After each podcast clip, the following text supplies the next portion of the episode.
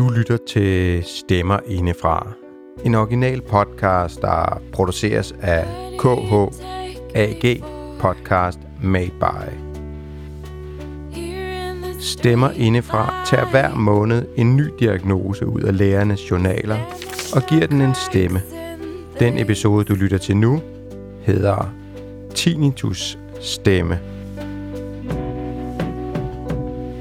Historien blev første gang udgivet i podcasten Listen Up, The Nature of Real Life Hearing, så vi producerer for Videx. Men den er så god, så vi tænkte, lad os bruge den her i Stemmer indefra. Den starter sådan her. Listen Up is a Widex original podcast. The Ringing. You cover your ears with your hands. But it won't go away. It doesn't help. The ringing is inside you. It's generated in your brain. It's not a real sound, it's a phantom sound. What I talk about is a medical disorder. It's not a disease, but a symptom that can result from a number of underlying causes. I haven't said the name but it's incredibly common, so you probably guessed it already. It derives from the Latin word tinnire, which means to ring, and yes, it is tinnitus or tinnitus.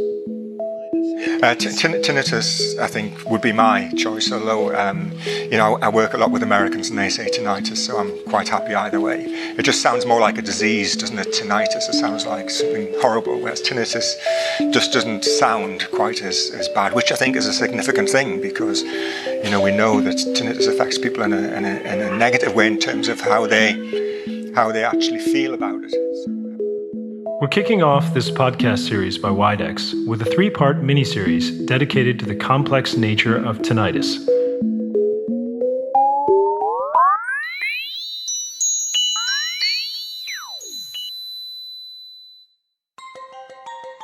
We will take apart tinnitus and piece by piece tell the story of what that ringing is in the brain. I talked to a lot of audiologists, professors, and other smart people working within this research field you will hear what they have to say in the next couple of episodes. But one thing they all encountered in their professional work is people ask them, Is there a cure for tinnitus? Well, we will see or listen.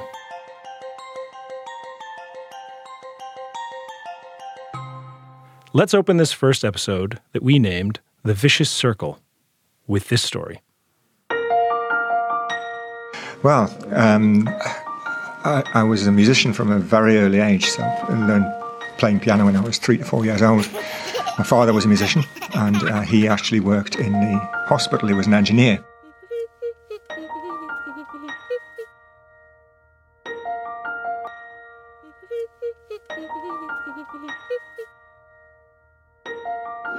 Whew, I must have been in my early 20s, so we were back in the 1980s, I guess, and that was following a, a concert attending at the Newcastle City Hall, um, a band called Status Quo, who were very, very loud. I was in the front row. At that time, the loudspeakers you could walk into. So I was literally standing with my head inside one of these loudspeakers for two and a half hours. Came out afterwards, literally, not just did I have ringing in my ears, I, I couldn't hear. You know, I, it was like, everything was like, and I thought, that's not good. So obviously I had reasonable knowledge of how it all worked, and I thought, well, that was a stupid thing to do.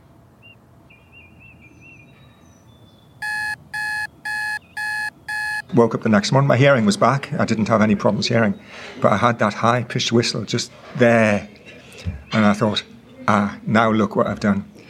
Um, I thought, well, I'll give it a bit of time. Um, like I said, during the day, there were so many other things going on, I just didn't think about it. The first I realised it was still there was going to bed at night time quiet room.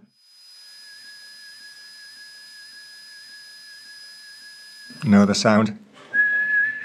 And I thought, ah, this is not good, it's still there. Anyway, to be fair, I did actually realise that over a period maybe two or three days, it, it basically it disappeared.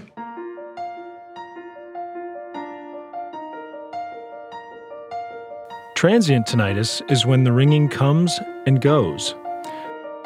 That is different to someone having long term tinnitus where it's always there. To understand transient tinnitus, we have to travel deep into the brain. Sometimes the brain is really adaptive.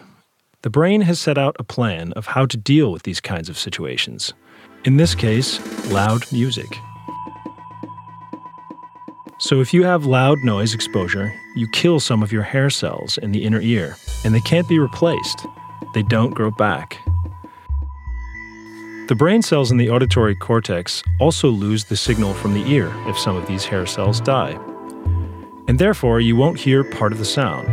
In technical terms, you lose some frequencies of a sound. So, what the brain does, it kind of fills in that gap. Nature doesn't like gaps. You can say that the brain figures out which frequencies are missing and then asks the neighboring cells on each side of the gap to fill in the information. These neighboring cells respond to neighboring frequencies, so the gap is filled with, yes, higher and lower frequencies. The side effect of this gap filling trick is the frequency which fills the gap is now overrepresented, and that gives you the tinnitus noise. It's complex, so let's take a look at another example. We have a blind spot in our retina where there are no photoreceptors. In that spot, there's a tiny hole where the blood vessels and the optic nerve go in and out. Since there are no photoreceptors, we do not see in that spot. But we don't notice the hole either, because nature doesn't like gaps, it fills in that hole. The mechanism the brain is using there is called lesion induced plasticity. You can call this procedure an adaptive mechanism, but it has an unintended side effect this hyperactivity, the ringing. Normally, the brain is even more clever. It realizes there's this internal noise being generated, so it puts its executive sentencing in play. And indeed, it suppresses that noise. So, most people, actually, even after extensive loud noise exposure, don't get tinnitus. You might have hearing loss, but you don't end up with tinnitus. You go to a loud, noisy concert and you have tinnitus maybe the next day, but it goes away after a few days, so many people have just temporary or transient tinnitus, which gets repaired by the brain. So the brain does have a plan for loud noise and music. But for those unlucky people where those mechanisms don't work, the other ones, they are becoming the chronic tinnitus patients.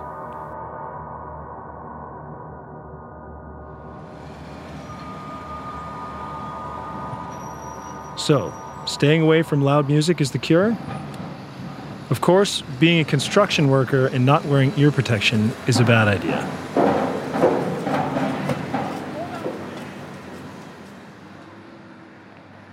But listen to this the most soft and gentle music you could ever imagine.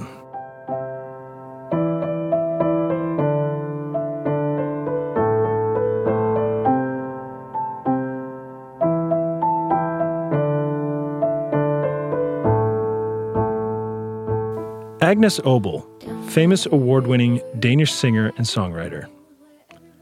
During a tour, she got a little too close to a speaker. In an interview with the fashion magazine In, she said this I was so unhappy. I thought my career ended before it almost started. Nobody could promise the tinnitus would disappear, and I was constantly afraid of loud noises. Maybe it was psychologically enhanced. The tinnitus canceled her sold out tour and forced her to focus on her well being and quietness. Half a year later, she was back on stage. If someone had taken a brain MRI scan of Agnes Obel's tinnitus ringing head, you could visualize the auditory cortex and see a nice activation in this area of the brain. The activation is doubled or even tripled. It's a very significant increase compared to healthy controls. But this is not the whole story. Tinnitus is not just an auditory disorder, it is more than that. This has to do with the higher brain functions in the frontal cortex and the limbic system. And if you think about it, there's good reason to assume that it's more than an auditory disorder, because not everyone ends up getting tinnitus. Even if you have a hearing loss and have suffered from loud noise exposure many times, a lot of people only have transient tinnitus.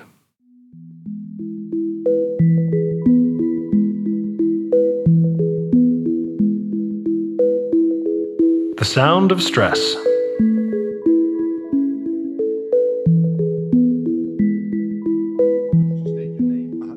There's something I didn't tell you. Okay, well, my name is uh, Gary Holland. The name of the storyteller in the beginning of the episode. Even though I'm called Holland, I'm from England. Yeah, so um, I'm an audiologist and have been for 45 years this year. Besides going to status quo concerts in the early 80s, Gary Holland is an audiologist. And, and by the time I came to be leaving school, I found out that there was a, a, an area of work in the hospital called audiology, which included audio. And uh, I thought it was something I needed to find out more about because obviously with the, with the music side, um, I was really interested in that. So I sort of, all my friends at the time were being builders and, you know, things like this. And I just thought, I'm going to give this a go. So my first job role was supernumerary physiological measurement technician which just sounded great. And I thought, they're all apprentice builders, and I'm a supernumerary physiological measurement technician. However, um, it wasn't as glamorous as it sounded. It basically meant I was the dog's body who just worked in all the different departments. Today, he travels the world and trains hearing professionals in the management of tinnitus. People experience tinnitus if it's a short term um, event, then they really tend to get over it very quickly. It comes, Sometimes it's only a matter of seconds. Go, oh, that's really annoying. Goes away again. Don't think of it. However, as soon as it becomes continuous or, or, or, or pretty much continuous, then everything gets a bit more complex because you, as soon as you start thinking about it, the worse it becomes, the worse it becomes, the more you think about it, and you end up in this very, very difficult loop, which is very, very similar to the effect that people have with stress. It's uh, basically you're in a, in a chronic stress situation where you basically can't, can't get out of that. And what people do when they try and help you manage tinnitus is to break that, that loop.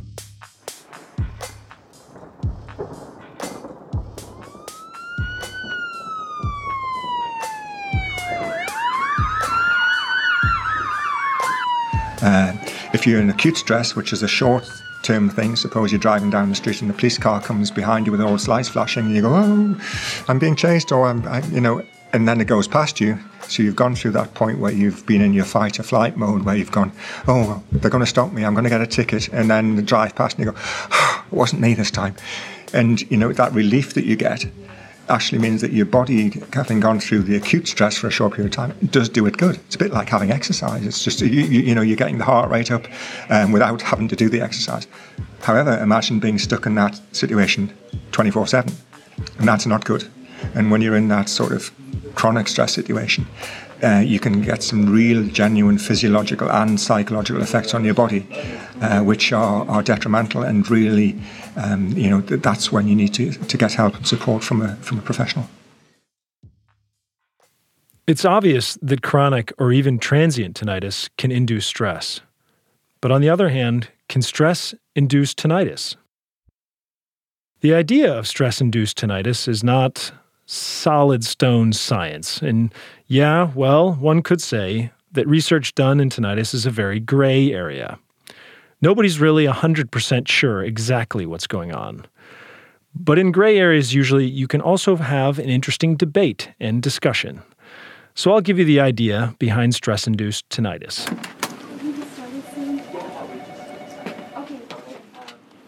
If you went into a soundproof room and cut off all environmental inputs, you would hear an internal noise in your head, a ringing of sorts. We all have that internal sound. The brain is an electric system. It converts mechanical energy into electrical energy. That involves a lot of energy from the nerve activity, and this gives off a certain sound itself. Normally, that internal noise is masked by environmental sounds. So let's step out of the soundproof room. Now, in most cases, what normally happens is that we have some damage to the inner ear, which causes a hearing loss. Now, this could be a very mild hearing loss, but it would prevent you from hearing some of those environmental sounds around you, even the most subtle ones. And when you can't hear the environmental sounds around you, it's as if you've stepped into that soundproof room. So the internal noise generated by the brain becomes noticeable in the environmental sounds. Now, I'm painting a very general picture here because you probably know that there are multiple theories at play. So, if your ear is damaged and you have a hearing loss, however small, the likelihood of you being able to hear this internal sound increases. Now, a lot of people will hear this sound, or a sound, but won't think anything of it because it's very quiet and it's just, well, a lot of people just accept it. But if you're having other stress in your life, let's say you've just lost your job, for example, and you're lying in bed awake, worried about how you're going to pay the rent. And lying in bed awake, you notice the ringing sound. You start to focus on it and you start to believe it is the reason that you're staying awake. So, lying in your bed with the adrenaline flowing in your body because you're stressed, the stress starts to get associated with that sound you're hearing. So, what will happen later is when you hear the sound, you start to focus on it again, and it will cause you stress or, or vice versa. Stress will aggravate both the brain focus on the sound, and because your brain is able to focus on it, it will amplify that sound in your head all of a sudden, this internal sound gets louder and louder to the point where you hear it all the time, unless you're very distracted. It's a negative feedback association between the sound and stress. It's the vicious circle.